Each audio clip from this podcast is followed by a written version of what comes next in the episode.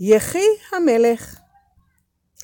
שמואל הנביא החליט שהגיע הזמן להכתיר את שאול למלך. הנביא עלה על הבימה, שקט השתרר בקהל, איש לא דיבר. כולם הביטו בנביא האהוב וציפו לנאומו. שמואל סקר במבטו את האנשים הרבים, הוא פתח ואמר להם את דבר האלוקים. אנוכי העליתי את ישראל ממצרים, ואציל אתכם מיד מצרים ומיד כל הממלכות הלוחצים אתכם. אלוקים אומר לבני ישראל כי הוא מאוכזב מזה שהם מבקשים למנות מלך, כמו שיש לכל העמים. אלוקים מעדיף שיסתפקו בהנהגה של הנביאים, שמקבלים הוראות מאלוקים בדרך ישירה. אחרי הנאום הודיע שמואל כי יעשה הגרלה בין שבטי ישראל, והשבט שייבחר יהיה זה שמתוכו ייבחר המלך המיועד. כולם המתינו במתח.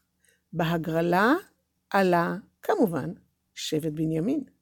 עכשיו הודיע, הודיע שמואל כי יעשה עוד הגרלה. בין כל משפחות שבט בנימין, המשפחה שתעלה בהגרלה, מתוכה ייבחר המלך. וואו, הכריזו כולם, כשמשפחת המטרי עלתה בגורל. זו הייתה המשפחה של שאול המלך. המתח עלה לשיא. עכשיו התברר מי מבני המשפחה הוא המלך. דממה שררה ברחבה הגדולה. המוני אנשים רכנו קדימה כדי לראות היטב את מעשיו של שמואל, שרשם את שמות בני משפחת המטרי על פתקים, והכניסם לתיבה. הקהל היה מסוקרן ממש. אנשים קמצו את אגרופיהם מרוב מתח. נו כבר, רוצים לדעת מי המלך שנבחר. עכשיו שמואל הכניס את ידיו לשתי התיבות והוציא מהן פתקים. לפתע הניף את ידיו למעלה. בפתק האחד נכתב זכה, ובפתק השני שאול בן קיש.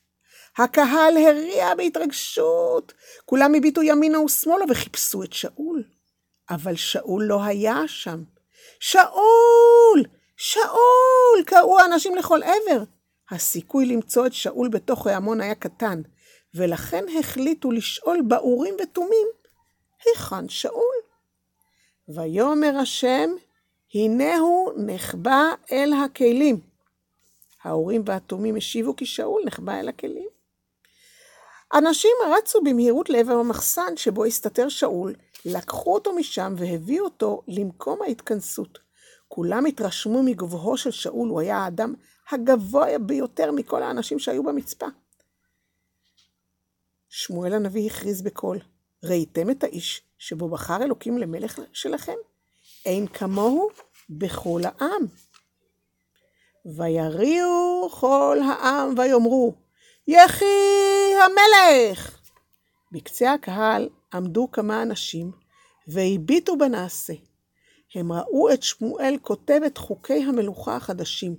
שמואל קבע כי יש להעניש את מי שלא יישמעו למלך החדש, ואף הוסיף ופירט כיצד יש להענישם.